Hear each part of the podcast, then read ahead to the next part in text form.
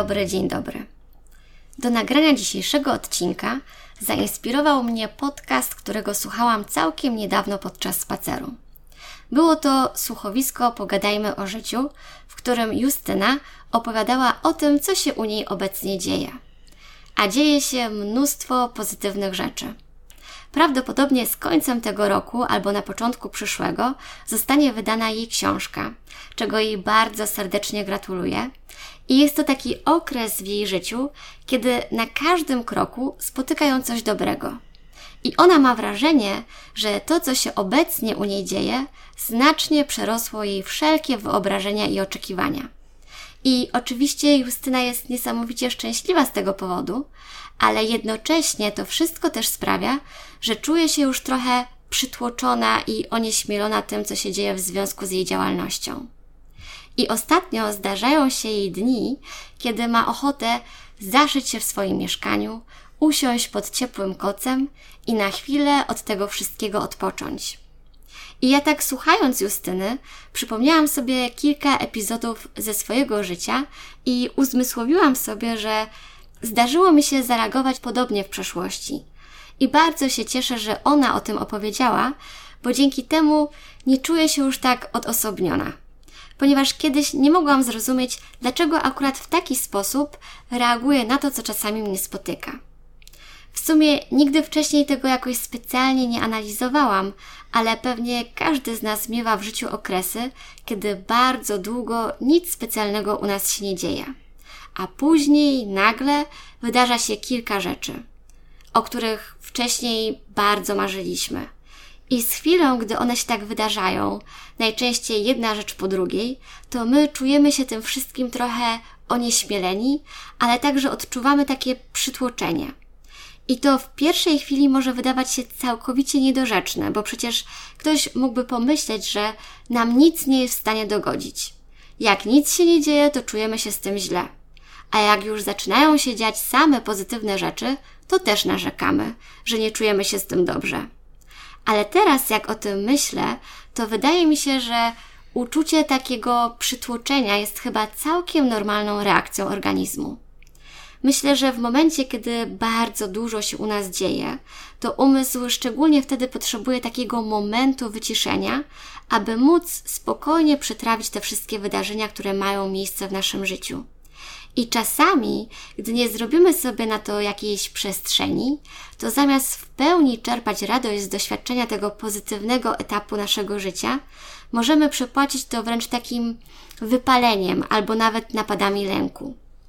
U mnie kilka razy tak się właśnie wydarzyło. Za pierwszym razem stało się to, gdy dopiero co wystartowałam z agencją promocji książek i gdy w dosyć krótkim czasie udało mi się zdobyć zlecenia współpracy z wydawnictwami, z którymi o współpracy wcześniej bardzo marzyłam. Był to niesamowicie intensywny okres. Wtedy działo się mnóstwo rzeczy jednocześnie. I właśnie w drugim miesiącu swojej działalności wzięłam udział w takim programie mm, wsparcia dla przedsiębiorczych kobiet. I miałam szansę zaprezentować swoją firmę przed dosyć sporym gronem inwestorek. Wtedy moja prezentacja spotkała się z dosyć dużym zainteresowaniem. Jeden z funduszy inwestycyjnych wyraził swoje zainteresowanie inwestycją w mój startup. I gdy to się wydarzyło, to ja zaczęłam podważać wszystkie swoje dotychczasowe dokonania i się tego wszystkiego bardzo wystraszyłam. Miałam uczucie, że przez kilka ostatnich miesięcy z całych sił nadmuchiwałam taki balon z poczuciem własnej wartości, po to, aby mógł on poszybować wysoko nad wszystkimi przeszkodami, jakie musiałam pokonać na początku działalności swojej firmy. A gdy udało mi się osiągnąć jakiś większy sukces, to sama sobie ten balon przebiłam. Pamiętam, że po tych wszystkich spotkaniach biznesowych, które musiałam odbyć, czułam się totalnie wypompowana z energii. Nie potrafiłam w żaden sposób poradzić sobie z przetworzeniem tych wszystkich emocji i wydarzeń, które działy się w moim życiu ale przede wszystkim nie mogłam sobie poradzić z takim głębokim poczuciem, że nie jestem wystarczająco dobra i że gdy inni się o tym dowiedzą, to wszystko zacznie się walić jak ten przysłowiowy domek z kart. W dość niedługim czasie po tych przeżyciach ponownie doświadczyłam tego samego uczucia, a było to w momencie, gdy otrzymałam propozycję wydania książki. Współpraca z tą autorką była dla mnie takim spełnieniem marzeń, ale ponieważ wydarzyło się to zupełnie nieplanowanie, to znowu się tego wystraszyłam. Zamiast cieszyć się z tego, to ja zaczęłam nagle wymyślać tysiące powodów, dla których nie mogę się tego podjąć. A to wszystko tylko dlatego, że bardzo bałam się tego wyzwania. Bałam się, że zawiodę czyjeś zaufanie we mnie i teraz już wiem, że wtedy jeszcze nie do końca sama w siebie wierzyłam. Ale tym razem, mimo ogromnego strachu, podjęłam się tego wyzwania. Aby zagłuszyć sobie to poczucie, że nie jestem wystarczająco dobra, pracowałam niesamowicie ciężko, godząc pracę nad paroma projektami jednocześnie i robiłam to wszystko, będąc pod ogromną presją czasu. Przepłaciłam to później całkowitym wypaleniem. I to było dosyć trudne doświadczenie.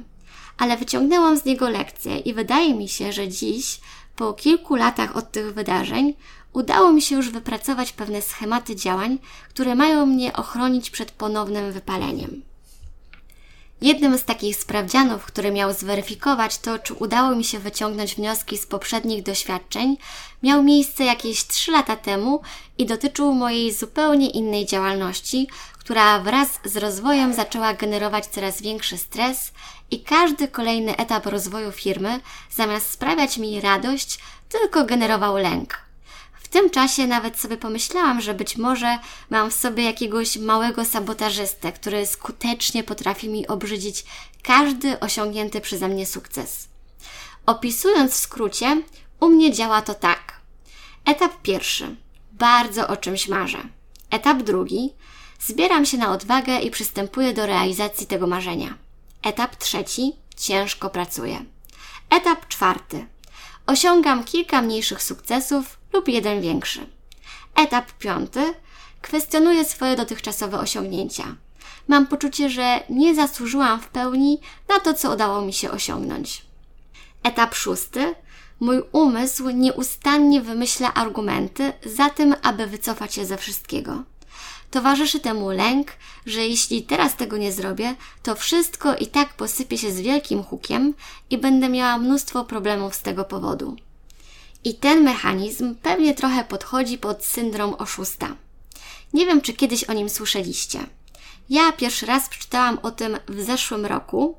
W artykule była mowa między innymi o tym, jak Michelle Obama wprawiła wszystkich w totalne osłupienie, gdy jedno ze swoich publicznych wystąpień zaczęła od wyznania, iż od lat cierpi na syndrom oszusta. Syndrom oszusta to zjawisko psychologiczne polegające na ciągłym wątpieniu w swoje możliwości, na umniejszaniu swoich sukcesów, niedocenianiu własnego potencjału, aż w końcu na przeświadczeniu graniczącym z pewnością, że już za moment świat dowie się, ile tak naprawdę jesteśmy warci, a konkretnie, jak niewiele jesteśmy warci. Ludzie cierpiący na syndrom oszusta często uważają się za mniej utalentowanych i mniej inteligentnych niż są w rzeczywistości. Nie wierzą, że mogą osiągnąć sukces, a gdy im się to udaje, mają poczucie, że to jedynie przypadek, łód szczęścia i że na to nie zasłużyli. Gdy przeczytałam tą definicję, to zrozumiałam wiele swoich zachowań. Między innymi to, dlaczego jest mi o wiele łatwiej negocjować, gdy występuję w czyimś imieniu, a nie we własnym. Aby zwalczać to uczucie, że nie jest się wystarczająco dobrym, należy nieustannie pracować nad poczuciem własnej wartości i ja tak właśnie staram się robić. Natomiast wracając jeszcze do wypalenia, które dopadło mnie ostatnim razem, to udało mi się wtedy tak zorganizować sobie pracę, aby na chwilę zwolnić tempo i się wyciszyć. Spędzić trochę czasu tylko ze sobą i przyjrzeć się tym wszystkim lękom. To ostatnie wydarzenie stało się też katalizatorem do powstania wyszywanek. Wyjaśnię może tylko, że wyszywanki to specjalne rysunki wydrukowane na płótnie, które służą do wyszywania. Razem w zestawie z nićmi i igłami tworzą Soul Times Box. I jest to pudełko, które ma rozmiar taki, aby można było je bez problemu zmieścić do torebki i zabrać wszędzie ze sobą. To właśnie w czasie, gdy przytłoczył mnie stres związany z prowadzeniem firmy, odkryłam zupełnie przypadkiem, że wyszywanie jest takim ekspresowym narzędziem do tego, aby oczyścić umysł, wyciszyć się i działa to trochę jak medytacja. I ja wtedy właśnie zaczęłam wyszywać, i gdy moje ręce były zajęte taką spokojną i monotonną czynnością, to było mi o wiele łatwiej przepracować sobie te wszystkie emocje i zastanowić się nad tym, dlaczego gdy zaczyna się u mnie w życiu zawodowym dobrze wieść, to ja wtedy doświadczam tych wszystkich trudnych emocji związanych z brakiem wiary w siebie i z wypaleniem. I dzięki temu, że mogłam się w siebie zagłębić, to udało mi się opracować pewne schematy działań, które mi pomagają. Jednym z nich jest to, że muszę na co dzień dbać o balans między życiem zawodowym a prywatnym. Mam tendencję do bycia bez reszty pochłoniętą pracą, zwłaszcza na tych początkowych etapach rozwoju różnych projektów. A to zwykle doprowadza do tego, że szybko się spalam. Dlatego dbam teraz o to, aby pracować mniej, ale za to o wiele bardziej wydajniej. W moim przypadku dobrze się też sprawdza stoicka postawa. Stoicyzm jest to kierunek filozoficzny zapoczątkowany w III wieku przed naszą erą w Atenach i opiera się na zasadzie osiągania szczęścia przez wewnętrzną dyscyplinę moralną oraz odcięcie się od skrajnych emocji, takich jak nadmierna ekscytacja czy smutek, i utrzymanie w sobie stanu spokojnego szczęścia bez względu od warunków zewnętrznych. Dla mnie stoicyzm to taki rodzaj mentalnej samoobrony chroniącej mnie przed wypaleniem. Inną rzeczą, która mi pomaga, jest ruch. Gdy czuję się przytłoczona, to lubię się trochę zmęczyć, tak aby wypocić te wszystkie napięcia, które w sobie noszę. Gdy się czymś bardzo stresuję, to nie usiedzę w miejscu. Całe moje ciało odczuwa taką potrzebę bycia w ruchu. Bardzo ważny jest też dla mnie sposób, w jaki odpoczywam. Gdy jestem całkowicie wypompowana z energii, to najłatwiej jest po prostu zalec na kanapie przed telewizorem z telefonem przylepionym do ręki. Ale niestety, zwykle skutkuje to u mnie tylko tym, że jestem jeszcze bardziej zmęczona. Tak więc, mimo braku chęci i siły, rozkładam matę i czasami już nawet po kilku przeciągnięciach się, ciało zaczyna się budzić do życia. Innym przykładem na to, jak odpoczywam, jest domowe spa urządzone we własnej łazience. Ogólnie dbanie o ciało jest dla mnie takim momentem, gdy mogę się wyciszyć i złapać do wszystkiego dystans. To dla mnie taki rodzaj wartościowego odpoczynku. No i na koniec. Ogromnie ważne jest też to, co jem. Moja skłonność do słodyczy w żaden sposób nie ułatwia mi życia. Od zawsze słodycze zapewniały mi pewien komfort psychiczny i poczucie bezpieczeństwa. Jest to u mnie głęboko zakorzenione jeszcze za czasów dzieciństwa, gdy moja mama dbała o to, że gdy się źle czułam lub gdy byłam chora, to zawsze koło mojego łóżka stał taki stoliczek z mnóstwem pysznych i słodkich rzeczy.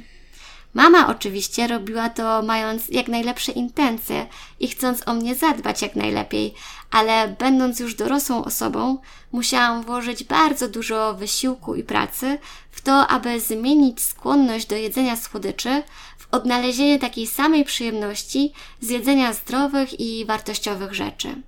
I dziś muszę stwierdzić, że widzę ogromną różnicę w swoim samopoczuciu po tym, gdy skuszę się na jakiś fast food, a na deser zjem zbyt dużą ilość słodkich rzeczy, a tym, gdy zjem zdrowy i pełnowartościowy posiłek. Można odczuć różnicę już nawet w samym sposobie myślenia. Dlatego, gdy przechodzę przez jakiś szczególnie trudny okres, to celowo zwiększam zapasy szpinaku, owoców i innych zdrowych rzeczy. Jestem bardzo ciekawa tego, jak Wy się zachowujecie w momencie, gdy w Waszym życiu zupełnie niespodziewanie pojawia się cały wysyp bardzo pozytywnych wydarzeń, które znacznie przewyższają wszystkie Wasze oczekiwania, jakie mieliście.